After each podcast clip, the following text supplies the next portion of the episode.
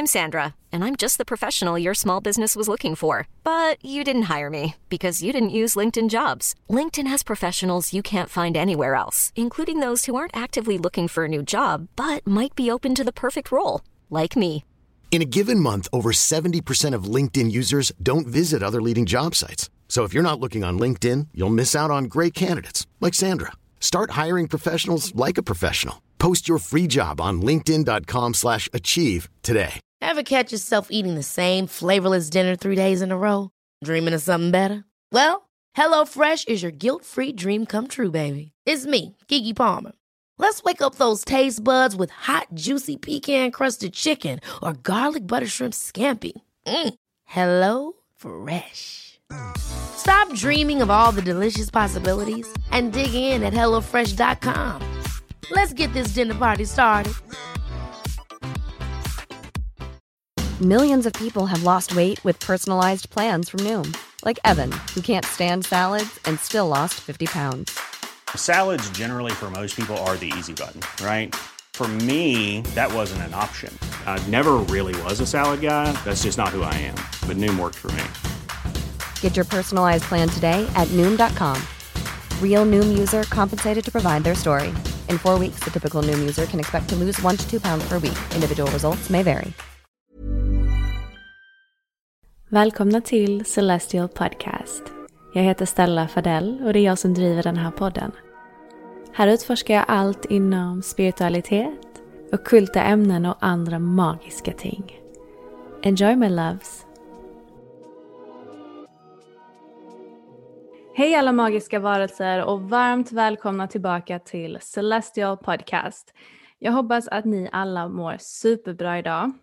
Idag ska jag äntligen prata om astrologi igen. Det var ju ett tag sedan vi gjorde det. Och eh, jag gör ju inte det själv utan jag har bjudit in en nyfunnen vän till mig som heter Frida Ridqvist. Välkommen Frida! Tack så mycket. Tack så jättemycket. Vi har inte känt varandra så länge men eh, så fort vi började prata med varandra, faktiskt över Instagram, så kände jag Mm. bara att vi klickade direkt. Och Ja. eh, det var ju verkligen härliga synkroniciteter som kom fram med, med tiden vi pratade. Att vi båda har bott i Dubai, att eh, du flyttade dit året jag flyttade därifrån och Ja. eh, exempelvis att din son och min bror delar samma födelsedag och det, det är så kul tycker jag när universum bekräftar um, vår vänskap så fint med Mm. just de här synkroniciteterna. Jag är så glad att du är här och du är ju här just för att du har en, en lång erfarenhet av just astrologin. Utöver eh, det så har du ju en väldigt spännande bakgrund då du nu doktorerar inom psykologi. Så du är ju en legitimerad psykolog och, och då utöver det så har du ju även den här långa erfarenheten inom astrologin. Det är väl tio år nu som du har hållit på med det va? Ja, precis. Det är tio år sedan jag egentligen kom i kontakt med astrologin från första början. Eh, det var egentligen för att jag träffade en kille som var väldigt intresserad av astrologi. Eh, och hans första fråga till mig då var, när är du född? Och jag tänkte liksom, men gud, hur frågar han det?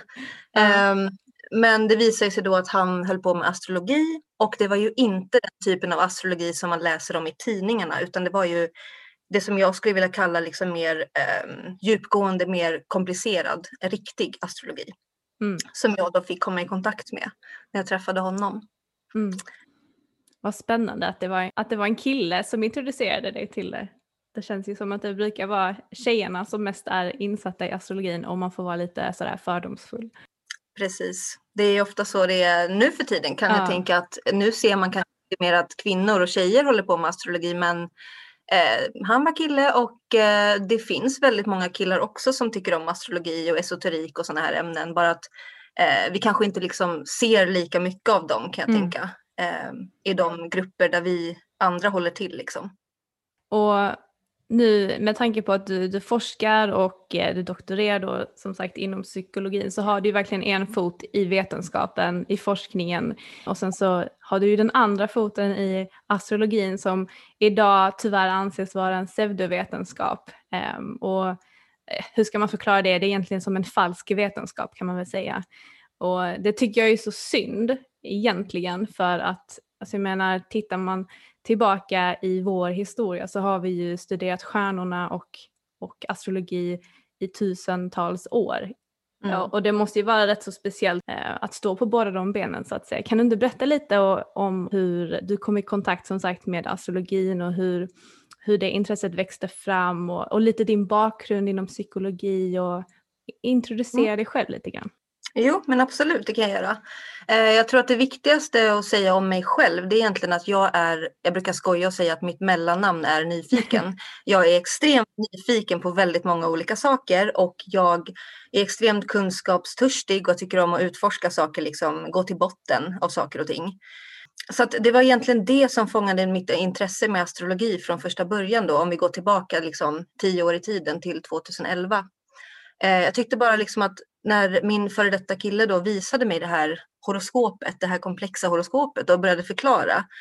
Så liksom tyckte jag bara så här, men vad är det här? Alltså jag blev bara så, liksom, jag tänkte vad är det här för någonting? för jag hade ju bara hört om liksom astrologi och soltecken på det sättet. Jag hade ju aldrig varit i kontakt med någonting annat än det. Um, så man kan säga att jag blev väldigt nyfiken då och förstod ju direkt att det var väldigt komplext. Um, och sådär. Så att man kan väl säga att jag började läsa lite av hans böcker liksom på skoj och utforskade lite och ja, men liksom gick till lite astrologer för att jag alltid varit intresserad av liksom både vetenskap men också det som är bortom vetenskap. Um, så jag har varit liksom intresserad av båda de områdena. För att utifrån mitt synsätt, om man ska prata om vetenskap och pseudovetenskap och sådär, så skulle jag vilja säga liksom att um, jag är ju här inte för att jag vill propagera för att astrologi ska bli en vetenskap eller för att astrologi ska användas på ett speciellt sätt, utan jag vill egentligen bara visa att det går att vara vetenskaplig och korrekt och veta vad evidensbaserad metod är och liksom vara väldigt korrekt inom de ramarna. Mm. Men samtidigt på sin fritid så kan man ägna sig åt andra ämnen på samma sätt som man kan ägna sig åt typ konst eller du kan ägna dig åt dans eller liksom kreativa saker. Jag menar, du kan ägna dig åt um, det jag kallar då astrologi för um, tusenårig esoterisk kultur. Uh, det kan man ägna sig åt och det behöver inte stå liksom i polaritet då till det vetenskapliga. Utan man kan vara helt fine med att det är två separata saker som fyller sina syften på olika uh, plan. Mm. Liksom. Um, men eftersom jag har då en bakgrund inom liksom det vetenskapliga och just nu jobbar eh, som doktorand och håller på att doktorerar, då är det ju ett stort, stort fokus på vetenskap och det tycker jag är bra. Men att eh, det är extremt viktigt för mig att säga att när jag håller på med astrologi så är det inte för att det är ingen behandlingsmetod, det är ingenting jag vill ska bli en behandlingsmetod, det är ingenting jag vill att människor som har ångest eller är sjuka ska använda sig av, utan jag ser det bara som ett sätt att lära sig om det jag kallar för esoterisk kultur och ett sätt att eh, nyfiket utforska liksom, människans relation till kosmos och stjärnorna och planeter och det som är bortom oss själva. För jag tror vi har det behovet. Jag tror vi har de två behoven, liksom att eh, både det materiella, det icke-materiella, det logiska, det icke-logiska, Eh, alltså liksom det står som sagt inte i polaritet till varandra utan det kan, eh, man kan arbeta med båda liksom för sig själv eh, och finna mycket njut, njutning i det och tycka att det är kul. Men absolut. Det känns ju som att det är, särskilt idag, att man alltid måste tillhöra ett fack och att det här handlar ju om att Alltså det är så mycket mer än det. Och att bara för att du gillar en sak så betyder inte det att du utesluter en annan. Och det är det jag tror vi behöver komma ifrån Nej. lite grann. Um, för att man vill ju gärna förlika sig med en sak men um, desto mer så kallat vi vaknar upp liksom inom det spirituella desto mer inser vi att det finns ju mycket mer än det vi kan se med, med det blotta ögat så att säga. Um, och jag tycker det, det är ju ja. det som är det häftiga med den här integreringen som, som börjar ske särskilt nu. som du och jag också har pratat om innan att det var ju väldigt kul det du sa med att, att dina kollegor till och med kommer och, och frågar dig lite grann kring eh, sina ja. horoskop och sådär. Jo, det är det som är roligt och det är, ja, för att fylla i lite då vad jag och Stella har pratat om tidigare så mm. jag har bara pratat lite om det här med att Självklart när jag, liksom, i de sammanhang där jag är vetenskaplig, självklart blandar jag inte in astrologi. Självklart är det separerat. Liksom. För mm. det handlar ju om att ta sitt ansvar och kunna vara etisk och jobba utifrån, alltså efter vissa metoder som man eh, liksom ska förhålla sig till rent vetenskapligt. Det gör jag absolut. Men jag tycker det bara har varit så roligt vissa gånger när, när det står, jag har blivit liksom lite uppsökt av, eh, det kan vara alla möjliga, det kan vara läkare, det kan vara liksom väldigt vetenskapliga människor mm. som har kommit med en liten post-it-lapp och sagt så här, du, eh, jag har ju typ fått förstått att du gillar det här med stjärnor och sånt. Eh, skulle inte du kunna kolla lite mitt horoskop? Och det tycker jag är så roligt för att det blir, alltså det blir verkligen ett uttryck för det här med att Alltså vi människor, vi är mer än det som liksom syns. Vi är mer än en sak. Och det är väl okej okay att vara det. Så länge man tar ansvar och så länge man är tydlig. Så att jag inte skulle liksom, så att jag inte blandar ihop att, ja men oj, nu sitter jag här och eh, du vet, ska hålla ett föredrag om eh, någonting inom psykologi och visa på det vetenskapliga förhållningssättet där och blanda in astrologi. Det, är liksom, det finns inte ens i min värld utan det är väldigt liksom separerat så. Men just att man kan få vara båda, man kan få säga, men jag tycker om det här. Jag tycker det är kul. Och inte bli bemött med liksom hårda kommentarer som jag också har blivit bemött med faktiskt om jag ska vara ärlig. Ehm, mm. För jag har blivit bemött av vissa som har skrattat och liksom fnyst åt mig och sagt Ja men eh, kan du inte ägna dig åt vetenskap istället? Jag bara, men det är ju precis det jag gör. alltså, ja, alltså mitt vardagliga arbete är ju liksom bara vetenskap. Så att, mm. eh, det är jättekul på fritiden, som jag säger, som att andra målar, dansar, håller på med alla möjliga saker, rollspel, brädspel. Eh, astrologi är ett sätt att vara kreativ i tänkandet, att vara kreativ, att utforska något annat bortom det här väldigt materiella paradigmet. Jag tycker mm. det behövs också. Ja, men verkligen. Verkligen. Det enda som kan ja, förlåt. bli det enda som kan bli problematiskt i det hela det är väl bara ifall just gränsdragningen inte är tydlig och att det blir så att vi kanske kommer in på det senare men att om, om, om människor då kanske börjar tro att astrologi är en behandlingsmetod eller de börjar tro att astrologi ska användas på ett visst sätt då för att ersätta någon form av psykologisk behandling och så vidare, då, då hamnar man ju lite snett ja. och det är ju inte det jag vill förmedla. Nej, nej, precis. Och jag vet att du är väldigt noga med att, med att hålla dem åtskilda, men finns det något sätt som astrologin har hjälpt dig i psykologin? Kanske inte genom att, att behandla eller, eller använda det liksom rent praktiskt, men kanske sättet i hur du tänker har du fått, har du fått med dig någonting från astrologin som hjälper dig i ditt yrke som psykolog? Alltså jag tror det som har hjälpt mig mest är väl att liksom eh, på samma sätt som astrologi är jäkligt komplext eh, så kan vi se att psykologi är jäkligt komplext. Mm. Det är väldigt svårt att uttala sig om psykologi till exempel i media eller uttala sig om forskning och sådana här saker för att du måste liksom paketera den här informationen på ett sätt som är väldigt, eh, det ska vara väldigt kort och koncist och lättförståeligt. Men de här ämnena på samma sätt som människor, vi är väldigt komplexa. Det är väldigt svårt att liksom koka ner ett ämne så pass mycket och göra det så ja, men, lättsmält för allmänheten så att verkligen alla kan ta till sig. Det är, ja. oh, det är extremt svårt och man kan hamna extremt fel där. Men, men det är det som är roligt som sagt. Och, ja, jag ser ju likheter där mellan astrologi och psykologi. Att lätt att bli missförstådd och lätt att eh, hamna i det där komplex, att man går in i det alldeles för komplexa eller att man simplifierar saker för mycket. Mm. Um, det är väldigt vanskligt. Mm. Ja men verkligen. Och det är precis som du säger, astrologin är ju oerhört komplex och det är ju inte bara ens soltecken som man oftast känner till sedan tidigare. Att till exempel att jag är en fisk och du är en oxe, det är ju liksom det man kan basera utifrån datumet man är, för, man är född och det är det man ofta ser i de här dagstidningarna och sådär. Men det är ju verkligen så otroligt mycket mer än bara det och det finns ju hur många olika inriktningar och skolor inom astrologin och sätt man kan ställa horoskop och ja, användningsområden. Och jag skulle nästan säga att det är som en konstform. Och som sagt, det finns ju mycket fördomar kring astrologin. Um, så att, kan inte vi bara backa banden lite och så vill jag verkligen veta liksom, vad, vad är astrologi enligt dig? Alltså jag skulle säga att um...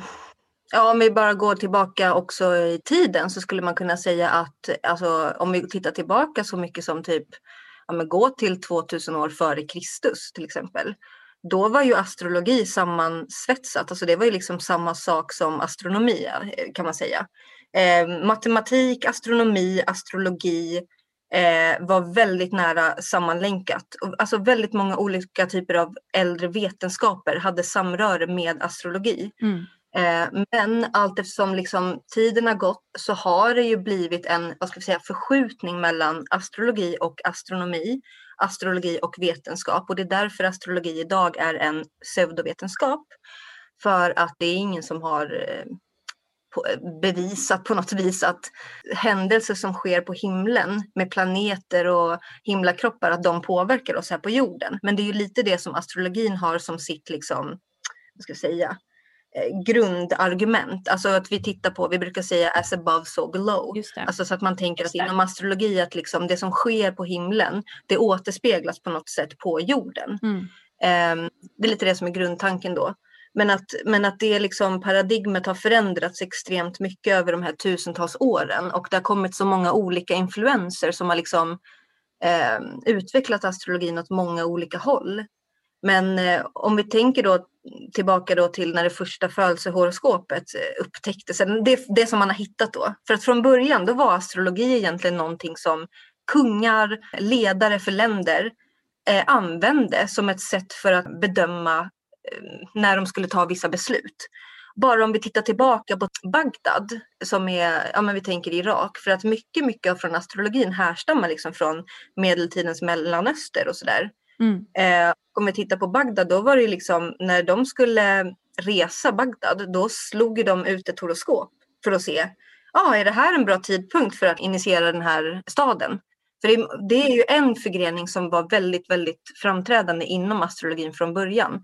Och det kallas för horär astrologi. Eh, eller electional astrologi, det är en liten annan sak. Men att eh, horär är när du egentligen ställer en fråga och gör ett horoskop och så tolkar du då eh, utifrån det horoskopet och får, kan få vissa svar. Mm. Eh, för att ta ett modernt exempel kan vi säga, ska jag köpa den här bilen? då kan du göra ett horoskop av den frågan i den tidpunkten och så läser du av liksom och får ut ett svar utifrån det. Medan den här electional astrology, att välja ett horoskop, till exempel när ska vi bygga stadshuset? Eh, då gör du ett horoskop och sen läser du av alltså hur ser liksom förutsättningarna ut rent planetärt för att bygga det här eh, stadshuset nu. Mm. Så det var främst de, den typen av astrologi som var framträdande från början. Det här som vi eller jag håller på med mycket idag för mig själv, det här med födelsehoroskop, det kom ju då 400 före Kristus ungefär. Okay. Så det är ju mycket, mycket senare om man tänker att det började redan 2000 innan Kristus. Um, mm. Så det är liksom uh, eh, 1500 år om jag räknar rätt som man inte har hållit på med individuella horoskop. Mm. Så det, det har ju skett om en extrem utveckling och uh, astrologi och astronomi har ju särskilt sig för vi har lärt oss mer genom vetenskapen. Till mm. exempel det här med att eh, man inom astrologi då utgår från att jorden är, vi utgår från en, det kallas, eh, ja men liksom att vi, vi, vi utgår från jorden som en mittpunkt eh, när vi tittar mm. på ett horoskop. Medan idag vet vi att jorden är ju inte mitten utan solen är ju mitten. Ja, och det var mycket det som gjorde att liksom astrologin fick, eh, vad ska vi säga, ja, men blev lite mm, skrattad åt också för att eh, allt eftersom vetenskapen uppdateras så blir det som att man förkastar ju då gamla hypoteser. Ehm, Medan alltså jag kan tycka det är ganska intressant att se hur astrologin ändå kan ha ett värde och just eftersom det finns så många förgreningar så kan det vara så himla vad ska vi säga, spännande att undersöka då under ett långt, långt perspektiv. Hur har det sett ut? Hur har det utvecklats? För det här med soltecken, det kom egentligen inte in i bilden om jag ska vara helt ärlig förrän typ eh, 1900-talet, 30-talet. Jaha, så sent? Ja, eh, det, det, är det för att eh, generellt sett om du tittar bakåt i historien i astrologi så har man varit mycket mer intresserad av det vi kallar för ascendenten, alltså det här rising sign, det uppstigande mm. tecknet. Det som är då det tecken som gick upp på den östra horisonten det är ju liksom ens ascendent och det brukar ju inom astrologi tolkas som sättet du möter världen på, liksom lite det här ytan, masken utåt. Ehm, det har varit mycket mer framträdande om man pratar om då ehm, personliga horoskop under, under tidens gång. Ja, det är ju lite intressant med tanke på att det är ju rätt så mycket svårare att få reda på sin ascendent om man tänker efter som det, det byter tecken så är det varannan timme eller någonting sånt. Så det, okej, okay, det var ju, det visste jag inte att det var mest ehm, framträdande inom astrologin. Jo, eh, och det är också därför idag när man tolkar då astrologi eller beroende på vilken metod man använder så alltså ascendenten, det är ju den punkten som egentligen bestämmer hur hela horoskopet ska se ut. Eftersom som du säger eh, så flyttas ju den punkten väldigt snabbt eh, i ett horoskop. Så det är bara någonting jag brukar tänka på liksom att ja, men all den här, eh, alltså allt det här fokuset vi har på soltecken och det som alla kritiker alltid pratar om, ja, men det är ju vecko, vecko, vad heter det, veckotidningshoroskop och sådana här saker. Det är ju liksom ofta soltecken. Ja. Och då har du ju ingen tid, du har ju bara ett datum. Mm. Och eh, det är liksom en väldigt eh, förenklad form av astrologi som jag kan känna liksom att eh, visst, alla får vara kritiska, alla får tycka vad de vill om astrologi. Mm. Jag är inte här för att motbevisa någon, men jag kan bara känna ibland att många kritiker de har inte riktigt satt sig in i vad astrologi är och den tusen tusenåriga kultur som astrologin bär med sig och mm. vad det var initialt och vad det har kommit att bli. Jag tycker bara det är viktigt att liksom lyfta upp det ibland. Absolut. Och jag är helt enig med det du säger och som, som jag nämnde för, jag tror det var några po eh, poddavsnitt sen. Så när jag var i Peru förra året så var vi mycket på dagsutflykt och gick till gamla liksom, ruiner och tempel och allt vad det var. Och våra guider, alltså allihopa som vi pratade med, de sa ju verkligen och, och, och betonade verkligen att, att astrologer och astronomer, de var ju liksom eliten i samhället tillsammans med prästerna, kungligheterna. Och det liksom gick ju inte en enda ett enda stort beslut eller ceremoni eller händelse som inte astrologen eller astronomen ställde ett horoskop inför för att se så att liksom the stars aligned um, helt enkelt. Och, mm. och det tycker jag är så intressant att från att gå från att vara en sån otroligt väsentlig del av eh, samhället och liksom vardagen till att idag då nästan verkligen alltså, ses ner på på det sättet som det gör. Um. Ehm, men, men jag tycker Precis. verkligen att det börjar ske ett skifte just för att man börjar få mer kunskap om astrologi och börja inse att det är inte bara en soltecken. För att det man läser i dagstidningen, ja det är supergenerellt. Det är liksom 30 dagar där alla ska tillhöra samma fack. Bara för att jag är en mm. fisk och eh, typ min kille är en fisk så är vi jätteolika på så många sätt just för att alla andra planeter i vårt horoskop står i olika tecken och för, alltså förhåller sig till, till varandra på olika sätt. Och det måste man också ta med i beräkning.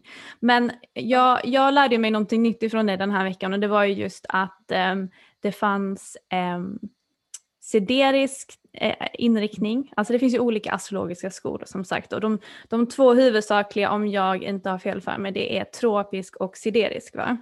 Ja, och det är den, precis. Det är den tropiska vi använder här i väst, västvärlden. Ja, mm. precis. Um, och eh, ja, för att komplicera ytterligare så kan man bara säga att alltså den här västerländska astrologin som vi använder idag, alltså den har ju liksom sitt ursprung som jag nämnde i, ja, men liksom i ehm, alltså arabvärlden, alltså med vad heter det, Mellanöstern, mm. Egypten, alltså det Makedonien, Grekland eh, och sådär. Så det behöver man känna till. Men sen är det ju så en förgrening för att man har ju använt astrologi liksom i, i öst också. Eh, ja. Om man tänker liksom Indien, Kina och sådär. Och ja, om man tänker den största skillnaden mellan tropisk som är västerländsk traditionell astrologi och siderisk som är då det man oftare använder i öst. Största skillnaden är egentligen att den eh, österländska astrologin den korresponderar mer till hur eh, liksom det faktiskt ser ut astronomiskt på himlavalvet. Alltså den följer astronomin. Okay. Medan den västerländska den är liksom uppbyggd mer utifrån eh, säsonger. Om vi tänker vintersolstånd och så här. Att man har vintersolståndet som en punkt. Eh, för det är inträdet, solens inträde i stenbocken. Och en gång i tiden då var det ju så att den västerländska astrologin var likadan som siderisk och astronomi. Ah. För man tittade ju upp på himlen och såg, ah, nu, är, nu har vi liksom, går vi in i vinterperioden. Solen går in i eh, stenbockens, vi stenbockens konstellation. Men på grund av hur liksom under tusentals år så är det ju så att jorden, hur den rör sig på sin axis, det är liksom så att den wobblar lite. Mm. Så att det gör liksom att det blir som en, nu försöker jag förklara väldigt enkelt. Ja. Det blir som en förskjutning kan man säga. Så att eh, solen då, eh, när vi säger att den går in i stenbocken i västerländsk astrologi, då är den fysiskt sett inte vid stenbockens konstellation på grund av att det har blivit en förskjutning. Ah, okej. Eh, Man kan säga att hela systemet, om vi tänker att alltså zodiaken, det är liksom det här eh, ekliptikan eh, med alla tolv tecken. Man kan tänka som att den punkten där för vintersolståndet, den har liksom glidit bak nästan ett helt tecken Mm. på grund av det här med hur jorden wobblar och rör sig och så. Mm. Eh, och jag menar bara en sån här sak eh, är ju komplex att förstå. Ja. Så det är därför jag försöker förklara liksom att astrologi, nej nej kom inte till mig och säg att det är lätt och att man är dum i huvudet när man håller på med det. För så är det verkligen inte. Utan, och det du nämnde också vill jag bara återknyta till att förr i tiden så var det ju så matematiker och eh, astronomer, det var extremt eh, vad ska vi säga, utbildade människor som höll på med astrologi. Mm. För att vi ska komma ihåg det också att idag har ju vi eh, datorer, vi har appar för att räkna ut våra horoskop. Men det var inte så länge sedan som det kom. För innan dess då var du tvungen att sitta eh, och liksom matematiskt räkna ut och titta i en sån här eh, efemerid då, efemeriderna som är en slags tabell för hur planeter har rört sig och rör sig framåt. Då måste du sitta där och titta och räkna ut och liksom geometriskt korrekt markera ut planeter i ett horoskop med vinklar, eh, matematiska vinklar och allt sånt. Och det är ju Mm. liksom eh, ganska svårt. Ja. Alltså det är ju inte lätt. Så att jag brukar bara skoja och säga det när någon... Eh, jag brukar stärka upp mig själv när jag tänker på astrologi då att vissa har ibland pratat eh, till mig som att jag är eh, dum eller liksom att jag är ja, korkad på något sätt för att jag tycker om astrologi. Då är det liksom bara, men jag tror inte att de människorna som uttalar sig så riktigt känner till hur komplex astrologi är. Verkligen. Jag tror- verkligen. Och det ska man ju verkligen bara skaka av sig.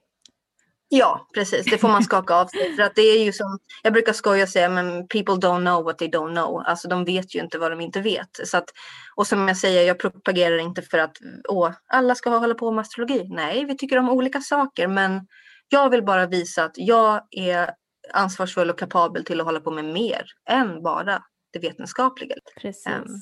Ja. Det är väldigt viktigt att lyfta. Mm, ja men verkligen. Vet du när, när den här, äh, när då tropisk och siderisk eh, blev två så att säga? Att de gick från att vara en lära till två. Nej, alltså jag vet inte exakt det, eh, om man säger år, året eller datumet och så. Ehm, men det, jag tror bara att jag tror bara att det är så här att eh, från första början också, eh, om vi tänker liksom tillbaka då till medeltidens Mellanöster och ja, men Babylonien och eh, det vi kallar hellenistisk astrologi som är från då liksom eh, Alexander den stores tid. Ehm, om vi tänker tillbaka dit och också tänker på vad som för sig gick samtidigt kanske då i Kina och Indien och sådana här ställen.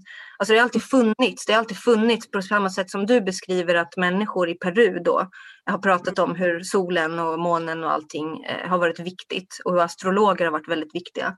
Så det har funnits på de alla möjliga platser och jag tror bara att det har blivit så att det har influerat varandra liksom.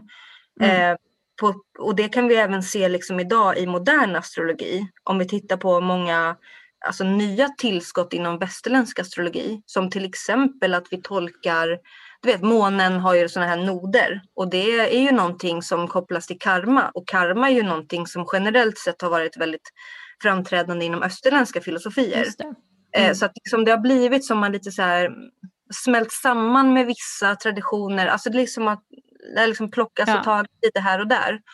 Mm. Ehm, och ja, jag tycker det är jättebra men någonting som är viktigt att lyfta också när man pratar om astrologins historia det är ju faktiskt att erkänna eh, på samma sätt som vi behöver ibland erkänna att vi kallar det väl för eh, muslimska gulderan om man tänker på när morerna och så var och tog över Spanien och de hade liksom ett stort välde eller vi tänker på typ Osmanska riket, alla de här perioderna. Jag menar det var jätte, jätte, eller alltså Irak, Bagdad. Eh, vi tänker på om vi tänker på de platserna, de är jätteframträdande när det gäller vetenskap och matematik och alla de här ämnena. Och ibland mm. känner jag bara att det är viktigt att lyfta för att ibland, alltså nu när astrologi är mer eh, populärt i västvärlden och här eh, ja, men liksom i vår moderna tid, då är det viktigt att vi ibland också så här, tänker tillbaka och så här, ger en liten, vad säger man, stund av eh, tacksamhet också för hur astrologin har utvecklats och varifrån den kommer och så. Jag tycker det är ja. väldigt viktigt utifrån ett kulturellt perspektiv. Um, mm.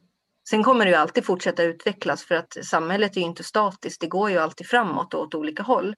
Um, men jag tycker det är intressant och um, är man nyfiken på att höra mer om det kan man ju jättegärna lyssna på den här The Astrology Podcast som eh, Chris mm. Brennan har. Uh, den är lite mer komplicerad dock. Och okay. det är på engelska. Men om man är nyfiken på att fördjupa sig i astrologins historia och liksom gå ett steg djupare, då tycker jag det är en bra källa. För det är en podcast som han har där han går väldigt djupt i de här ämnena. Okej, okay, ja men den ska jag definitivt lyssna på då. det låter ja, ju superintressant. Ja. Så.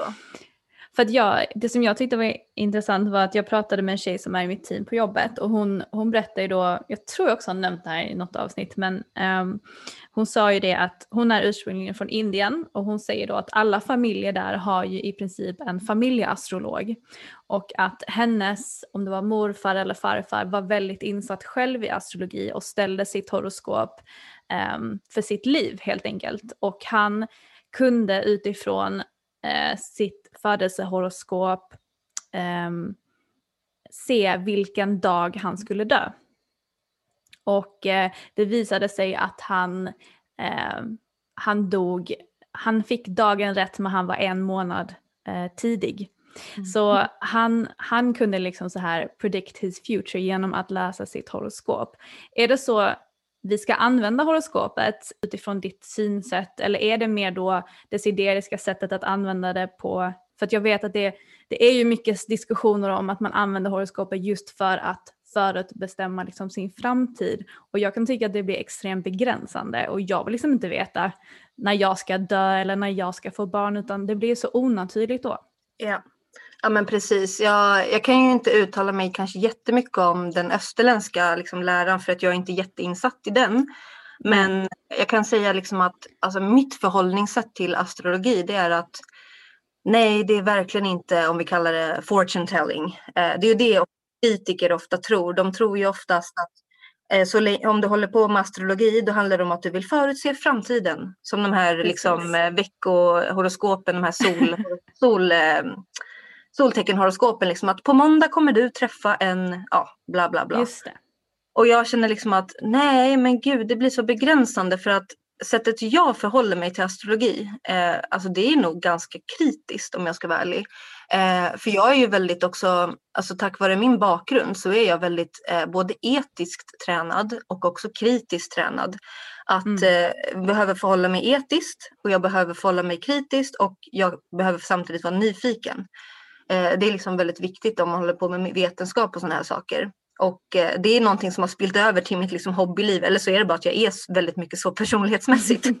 eh, men jag tror liksom att eh, det är viktigt så att tänka då utifrån astrologi att nej, vi ska inte kanske använda astrologi på det sättet att vi ska så här, åh nu är Merkurius retrograd och gud nu får jag inte skriva på ett kontrakt eller nu får jag inte det här och det här. För att då blir det så extremt statiskt, det blir så deterministiskt och det blir begränsande för människor. Utan jag tycker verkligen att man måste, man måste liksom, eh, jag tycker att, eller mitt sätt att förhålla mig till astrologi det är nog mer utifrån, det finns en astrolog som heter Stephen Forrest som jag gillar väldigt mycket. Och han mm. brukar säga liksom att eh, ja, astrologin och planeterna så här, det är liksom egentligen väldigt eh, Alltså de har egentligen inte så mycket kraft i sig så, utan det är liksom vad vi tillskriver dem. Det är där mm. kraften mm. det är vad vi tillskriver. Eh, och sen också att om man tittar på astrologin då, då är den mer som en väderleksrapport, men det är du som är vädret. Eh, mm. Jag tycker det är en fin beskrivning liksom för att i det här samhället där vi verkar nu, då är det ju ganska mycket så att eh, vi på olika sätt ska följa regler, ska begränsas. Jag menar det är väldigt mycket system vi ska förhålla oss till och verka inom på gott och ont. Och då tycker jag liksom att, ja men hallå, då är det väl kul om man kan använda astrologi som ett sätt att fundera mer på vad vill jag då? Alltså att stärka sig själv och ta tillbaka sin kraft.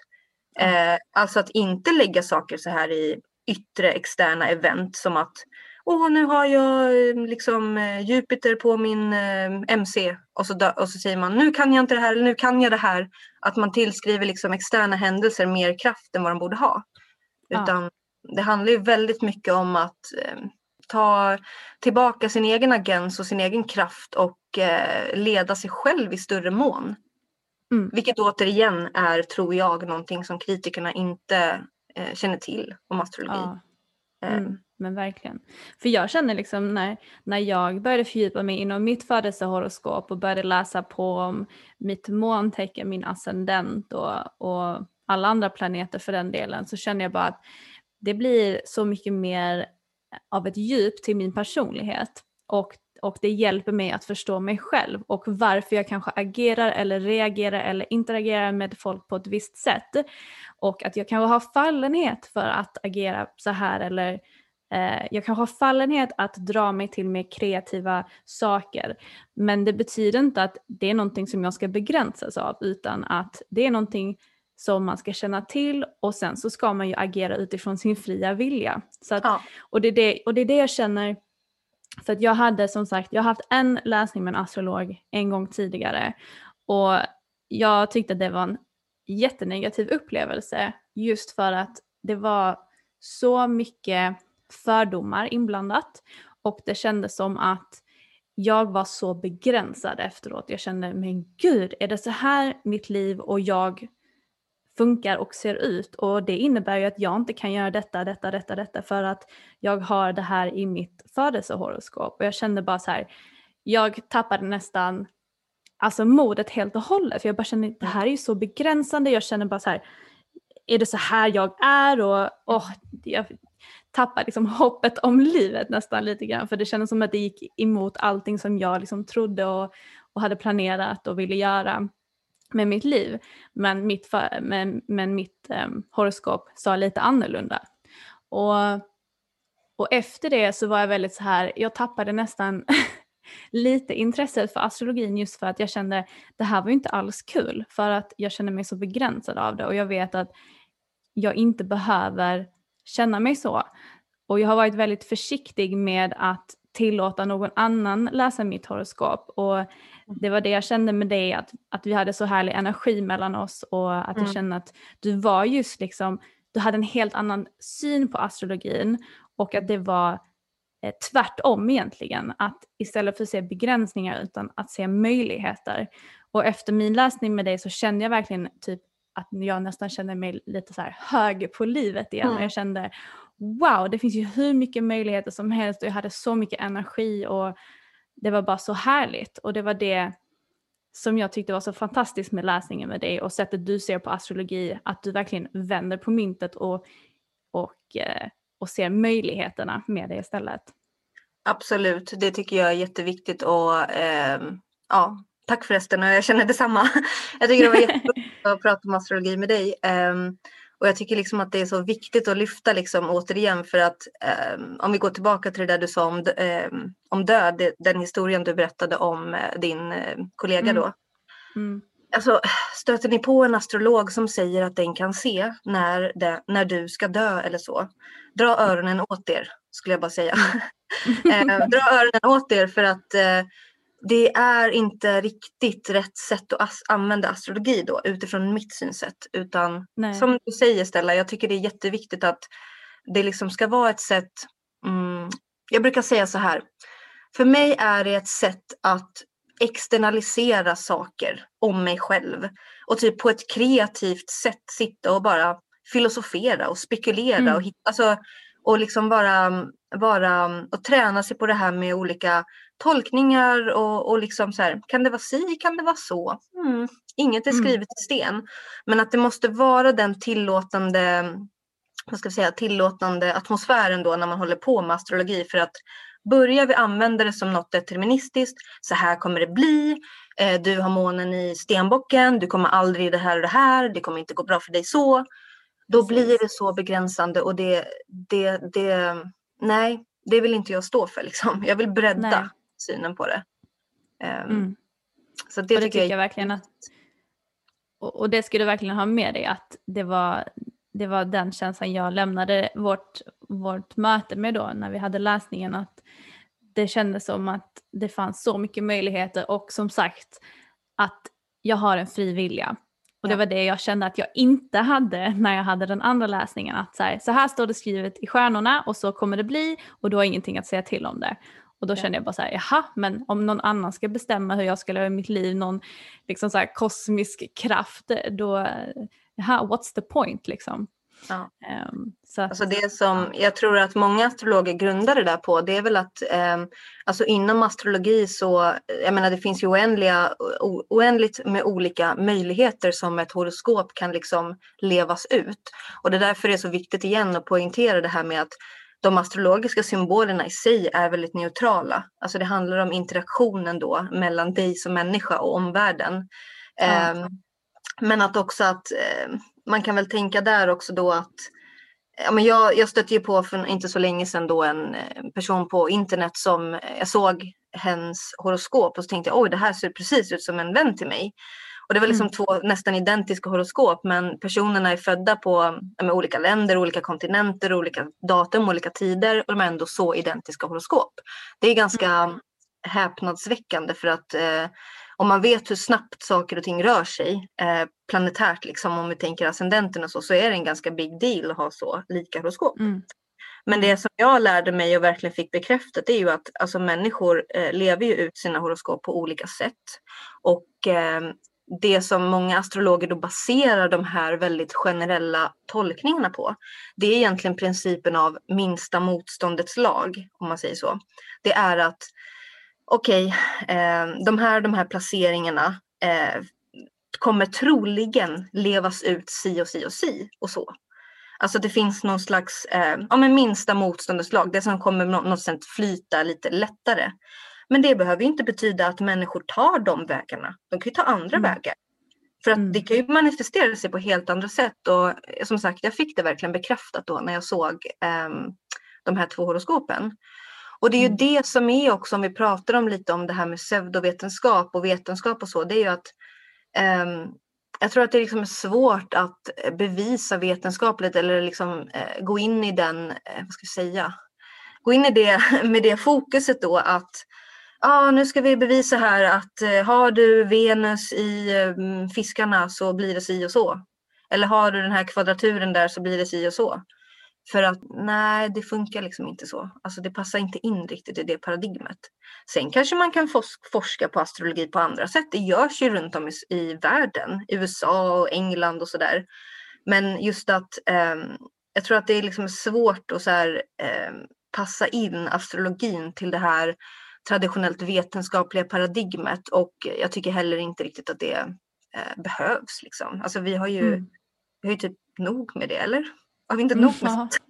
Ja, alltså, det är jättebra med vetenskap, liksom, jag är all for it, men eh, hall- hallå, vi behöver lite annat också. Och det visar ju sig gång på gång liksom, att vi söker ju lite annat också som kan vara kul för friska människor som har förmågan att göra bedömningar själva. Där det inte handlar om att nu ska jag bota din cancer här genom att titta på ditt horoskop.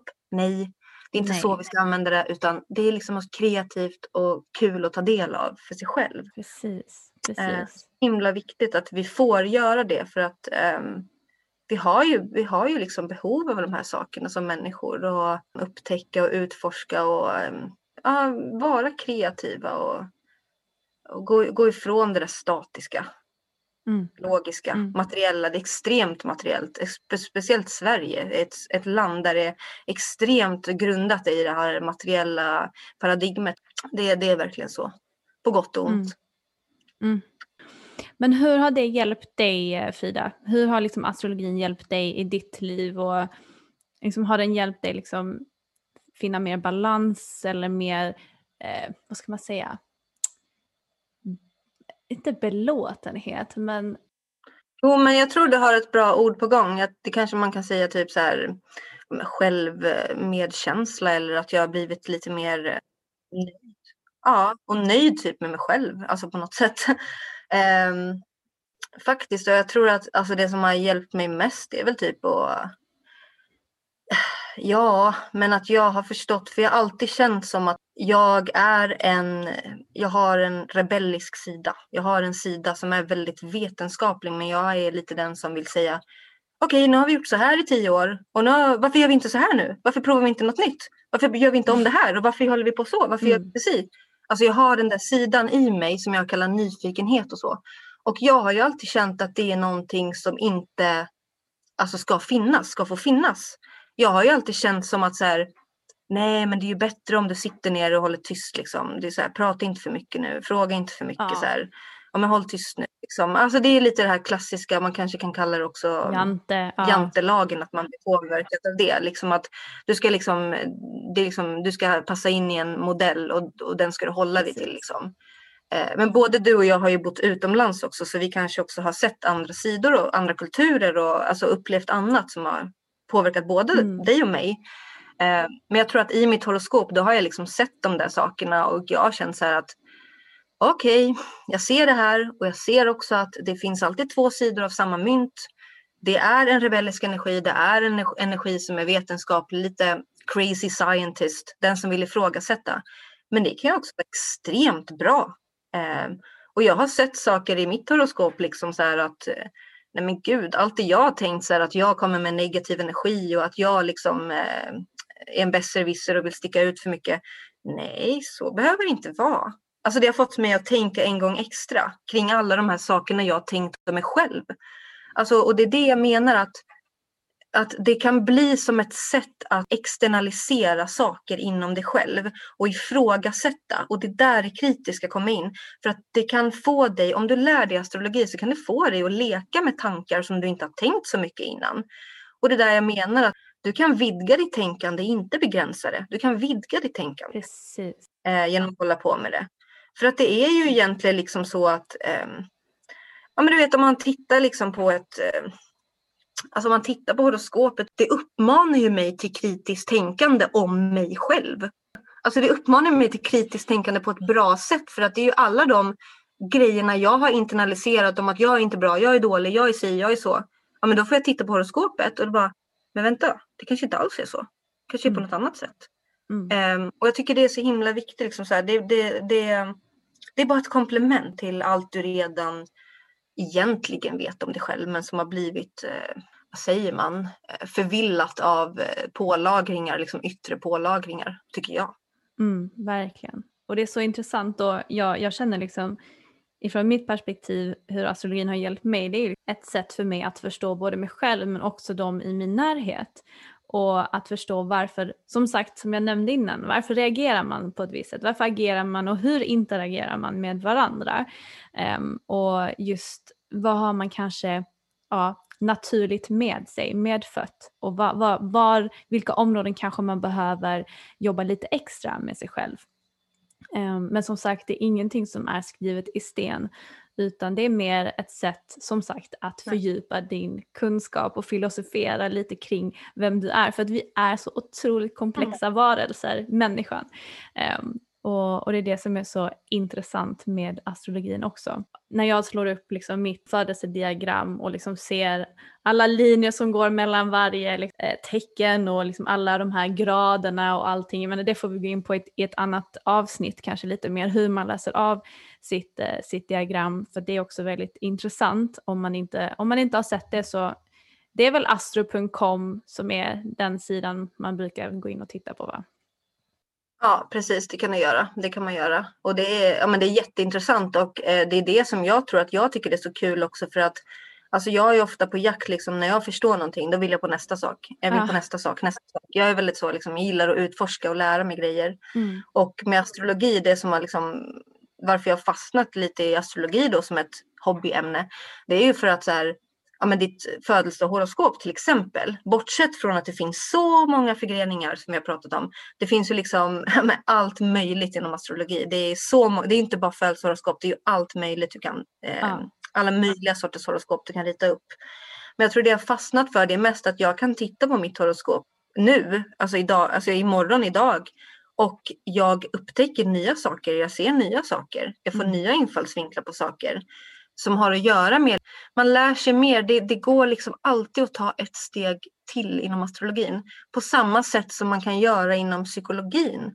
Ja. Att det är också ett sånt ämne som är så himla stort och brett och du kan alltid ta ett steg till och det finns så många förgreningar inom psykologin. Jag tror bara det är det som gör att jag gillar astrologi och att det är så här lite, ja, men lite svårt, det är lite utmanande. Det är så här, man ska tolka de här krumelurerna och matematiska vinklarna och sen ska man liksom göra någon make sense of that. Så att jag tror det är det också, att det alltid går att utforska forska i oändlighet. Men jag tycker liksom inte att man ska Alltså jag tycker verkligen man ska använda det som någonting som främjar kreativa och filosofiska och roliga och vidgar ens vyer för att jag har ju också sett människor som blir dogmatiska inom astrologi. Och, eh, alltså, och då menar jag att de eh, håller så hårt i det ämnet och blir ja, men nästan förblindade av eh, kritik, alltså de tar inte till sig, de, de har svårt att flexa perspektiv då. De är så uppe i astrologi att det är deras enda sätt att eh, tolka mm. världen på. Mm. Det är det inte för mig, jag tolkar min värld på många olika sätt men det här är ett sätt. Men just det jag har sett är ju liksom att det finns ju folk såklart som planerar sina barns födslar utefter astrologi och det mm. finns de som, jag berättade för dig för någon dag sedan också om en, eh, en person jag känner som alltid liksom reser till olika platser för att om, det, det, är också en förgrening inom astrologi där du är då, eh, den platsen där du befinner dig eh, för tidpunkten för din födelsedag. Det, utifrån den platsen kan du då göra ett så solar return, eh, solåterkomst horoskop som då säger någonting om det kommande året. Mm. Och jag kan tycka det blir så lite knasigt ibland som jag säger när Ja ah, men okej, du åker till Japan, du åker till Kanada, du åker hit och dit varje år på olika platser för att få de bästa förutsättningarna i ditt liv. Medan din familj typ sitter hemma och så här, är utan dig på din födelsedag. Det blir ja. också lite knasigt liksom så att det är där jag menar att åh, jag tror att det är så viktigt att så här, förhålla sig inom alla de här ämnena när vi pratar om så här, det här, vi kan kalla det spiritualitet eller esoterik eller andlighet, alla de här ämnena.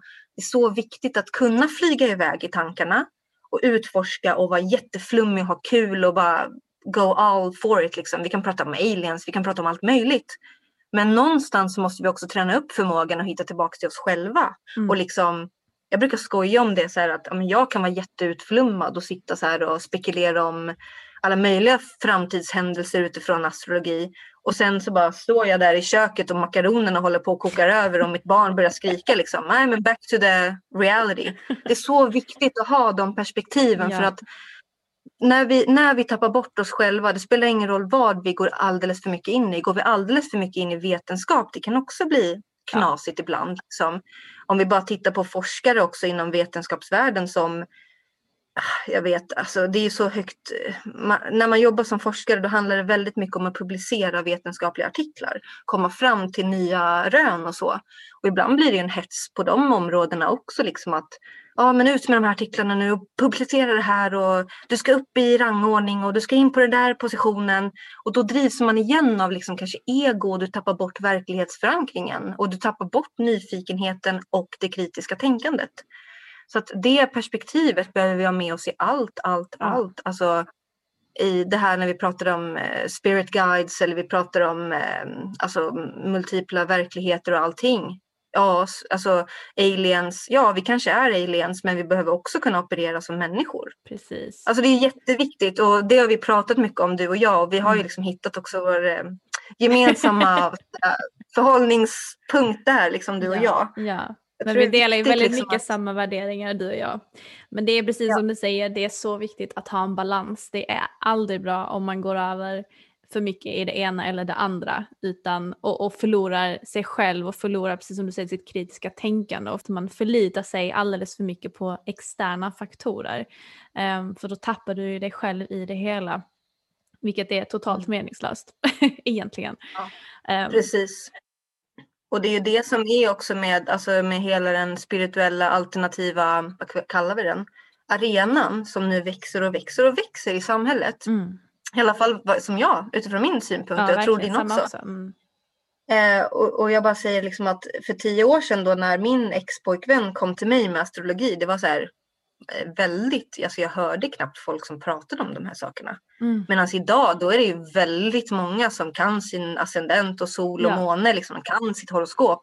Så att det har ju verkligen blivit en sån utveckling och med det så kommer verkligen, verkligen behovet att stärka sin egen agens och stärka sin egen förmåga till att kritiskt granska information. Eh, för att vårt informationssamhälle det exploderar ju också och eh, på samma sätt som vi liksom vi forskare måste kunna eh, bedöma eh, vetenskap och bedöma vad är bra och dålig vetenskap. Så måste man ibland också som privatperson om man då är andligt intresserad kunna alltså bara utveckla den. Vi kan kalla det intuition, vi kan kalla det självstyrning, vi kan kalla det vad som helst. Men utveckla liksom en sån eh, förmåga in, inom sig själv och känna efter, eh, men är det här något för mig? Ja eller nej? Eller, och det kan man ändra. Man kan ändra sig, vi behöver inte vara låsta och identifiera oss konstant med yttre saker. Men just den förmågan att kunna alltså lite grann så här mm, bedöma då, eh, mm, hur känns det här för mig? Ehm, och att alla behöver inte köpa hela paketet för att det är också en grej inom den här alternativa spirituella arenan att det blir väldigt mycket som ett, en paketlösning, eh, ser jag. Att astrologi kommer med yoga, det kommer med new age, det Exakt. kommer med crystals, det kommer med allt, allt, allt det här. Och eh, ibland känner jag liksom att så här, ja, men min rebelliska sida då, min Uranus nära ascendenten, den vill göra revolt mot det. Den vill bara, men hallå, nej, du behöver inte alls go alltså all into that. Du kan välja själv. Ja. Eh, det är extremt viktigt så här, för att inte vi ska återigen hamna i det här väldigt konforma och normativa samhället. Alla ska göra samma, alla ska tycka samma, alla ska vara på Precis. samma sätt. Ja, ja. Det är skittråkigt. Mm. Exakt, och det, det är just det vi behöver komma ifrån. att liksom det här stereotypiska synsättet man har på olika roller eller olika saker och ting. Att bara för att man utövar yoga så betyder inte det att du måste vara en hippie liksom, som bor i eh, Tibet i regnskogen. Utan du kan, som jag, om jag, jag älskar liksom meditation, jag är superspirituell men just nu jobbar jag inom IT-världen som är väldigt liksom, formell och väldigt datadriven och väldigt icke-spirituell alls. Um, men det är också det som är det fina, att man har liksom den, den balansen och de kontrasterna. För Ja. det är det, kontraster för mig är så viktigt för att det är där man ser verkligen sin, sin egna ståndpunkt i vad man egentligen tycker, tycker och tänker. Ehm, Ja, att man liksom får verkligen. väga saker och ting mot varandra. Det är det jag älskar, jag älskar kontrasterna, jag älskar balansen och att, att man inte behöver begränsa sig. Och eh, det, och det ska du verkligen ha en eloge, eloge för som sagt att, att du öppnade upp mina ögon igen för att se möjligheterna inom astrologin och inom, inom det. Så att, ehm, ja, och jag vet att du säger Ja. själv att du, du använder ju mycket liksom din, den här intuitiva aspekten när du läser och när du ställer ett horoskop. Ehm, Mm. att, att man ska liksom lyssna inåt och sluta egentligen förlita sig på alla andra. För det är ju väldigt mycket så, jag menar, tittar jag bara tillbaka på mitt liv, jag har ju varit väldigt beroende av att så här, rådfråga mina föräldrar eller rådfråga mina vänner när det kommer till saker. Och glömt att faktiskt bara fråga mig själv, bara, men vad tycker jag egentligen? Lyssna inåt. Och, det, och samma sak gäller med astrologin. Låt inte en viss grej inom astrologin rätt för dig. Nej men då kanske inte du ska fokusera på det utan ta det som resonerar med dig. Absolut, jag tycker det är jätteviktigt liksom för att stärka upp oss själva. Sen kan det alltid vara väldigt bra att ha som någon teoretisk bas liksom eller så här, ja men eh, som jag säger liksom att jag har ju lärt mig mycket om astrologi då från teori vad, eh, ja men är, vi säger eh, Venus är exalterad i fiskarna, man lär sig sådana här saker och Mm. begrepp inom astrologi. Men sen när man kan det, då är, då är det roliga att leka med så här, ja men vad ser jag? Jag kanske inte nödvändigtvis ser samma sak som du. Mm. För vi har olika perception, olika ögon, olika infallsvinklar. Och att då leka med det eh, tycker jag är så roligt liksom. Att eh, ja, men låta det också ta plats. Men jag tycker att överlag så är det så himla, vad ska jag säga? Det är bara så viktigt liksom att konstant, att vi konstant påminner oss om de här sakerna. Att det ska vara balans. Om vi säger as above, so below, som man säger inom astrologi. Det är också, alltså as above, det är liksom det externa. Och below, det är liksom det interna. Alltså Mm. det ska vara en balans mellan det. Jag behöver lyssna på andra och lära mig av andra. Eh, men jag behöver också ta egna beslut och fundera vad är rätt för mig. Liksom. Mm. Alltså den balansgången. Och det är, låter ju så jäkla lätt men det är ju inte det. Nej, nej. Alltså nej, det tar ju tid. Och, Ja. och, och, och just att så här, ja, men det, det är bara så viktigt så här, för att vi blir matade med så mycket information idag. Vi har så mycket utom oss själva som kommer in alltså, genom öronen och ögonen och allting. Och, alltså den här kritiska aspekten då, den är extremt viktig. Mm. Eh, i allt vi gör.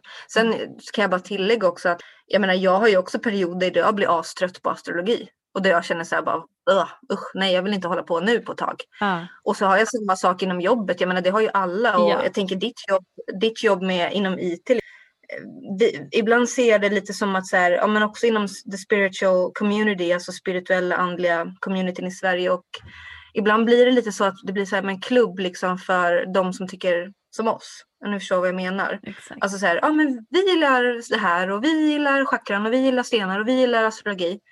Jag menar jag älskar sådana där saker men den största utvecklingen kommer ju faktiskt eh, av att man träffar andra människor och att man är i liksom andra sammanhang också där man behöver eh, förhålla sig till folk som är olika oss själva. För att det är vi ganska dåliga på överlag i samhället om vi tittar på ja, men bara hur det funkar liksom med klassamhälle, hur det funkar med, ja, med det här med rasism och alla de här sakerna. Så det är alltid som en uppdelning.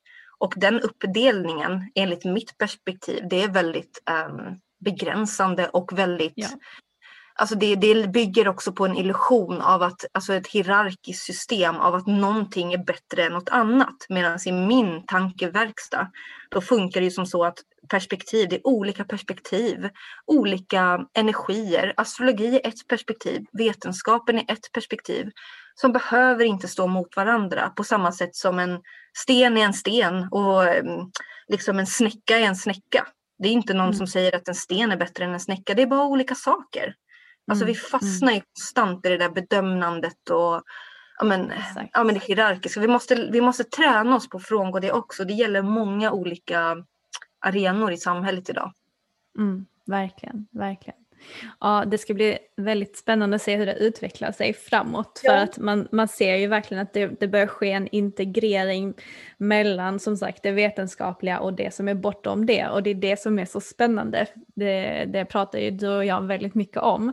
Och det ser man ju också liksom så här inom den spiritual, spirituella alltså arenan då att vi pratar ju väldigt mycket om energier och att det är ehm, ja, men liksom med auror och, och de här mer flummiga sakerna om man säger inom citationstecken.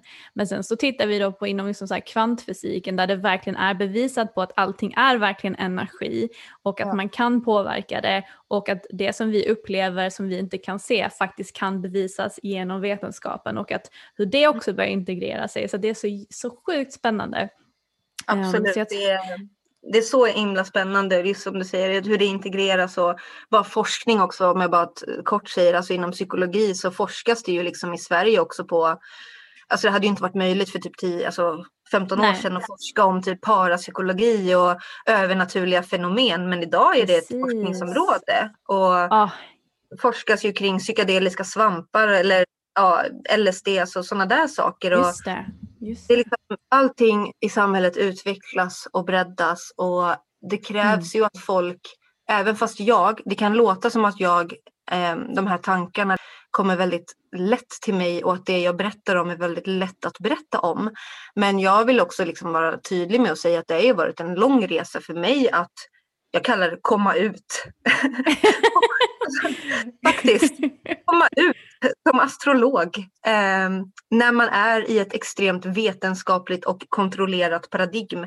För jag Mm. är en extremt ansvarstagande, kritisk, vetenskaplig person.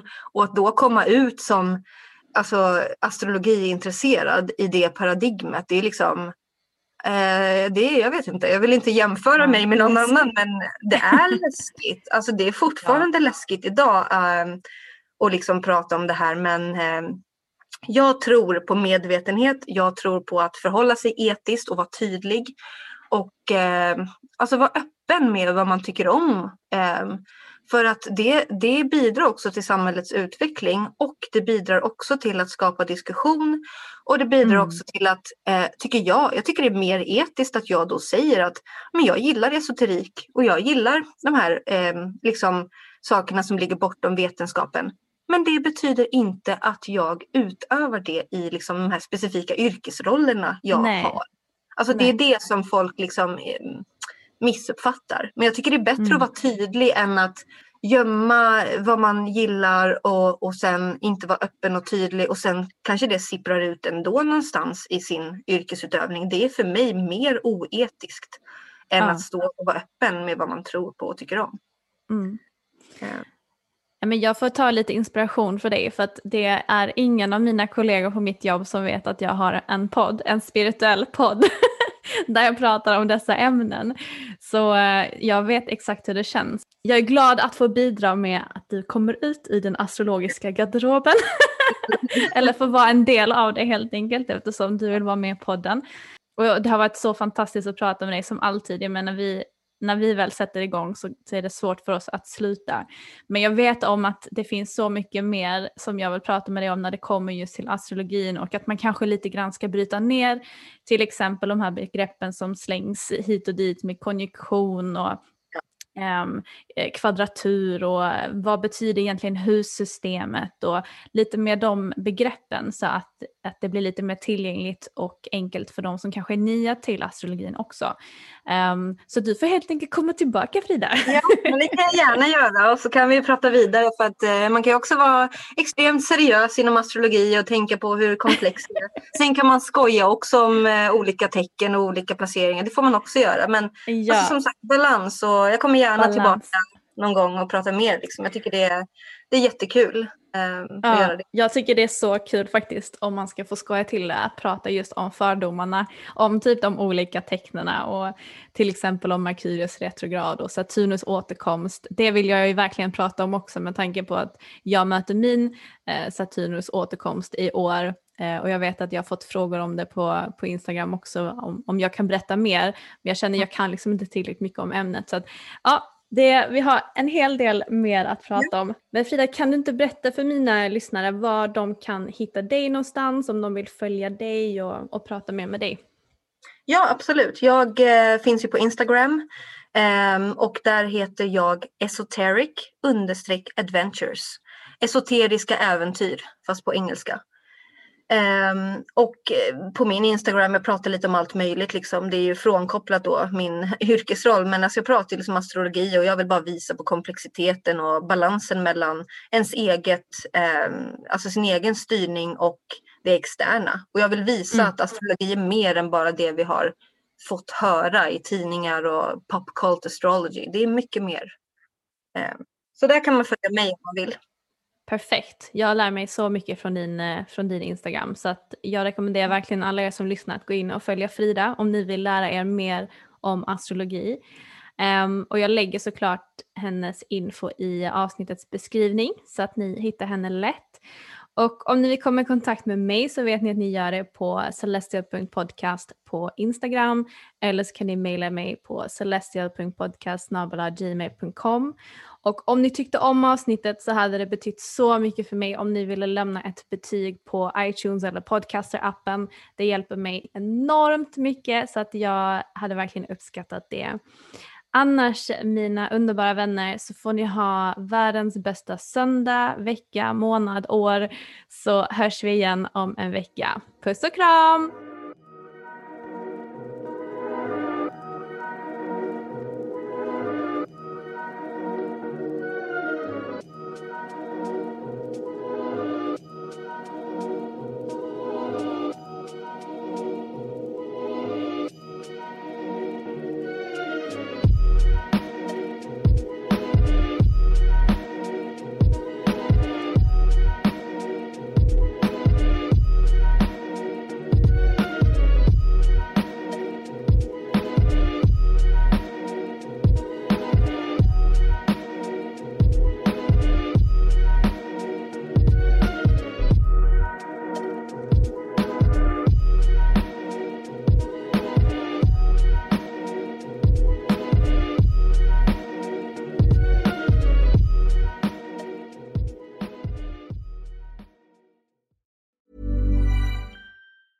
Planning for your next trip? Elevate your travel style with Quince. Quince has all the jet setting essentials you'll want for your next getaway, like European linen, premium luggage options, buttery soft Italian leather bags, and so much more. And it's all priced at 50 to 80% less than similar brands. Plus, Quince only works with factories that use safe and ethical manufacturing practices. Pack your bags with high-quality essentials you'll be wearing for vacations to come with Quince. Go to quince.com slash trip for free shipping and 365-day returns.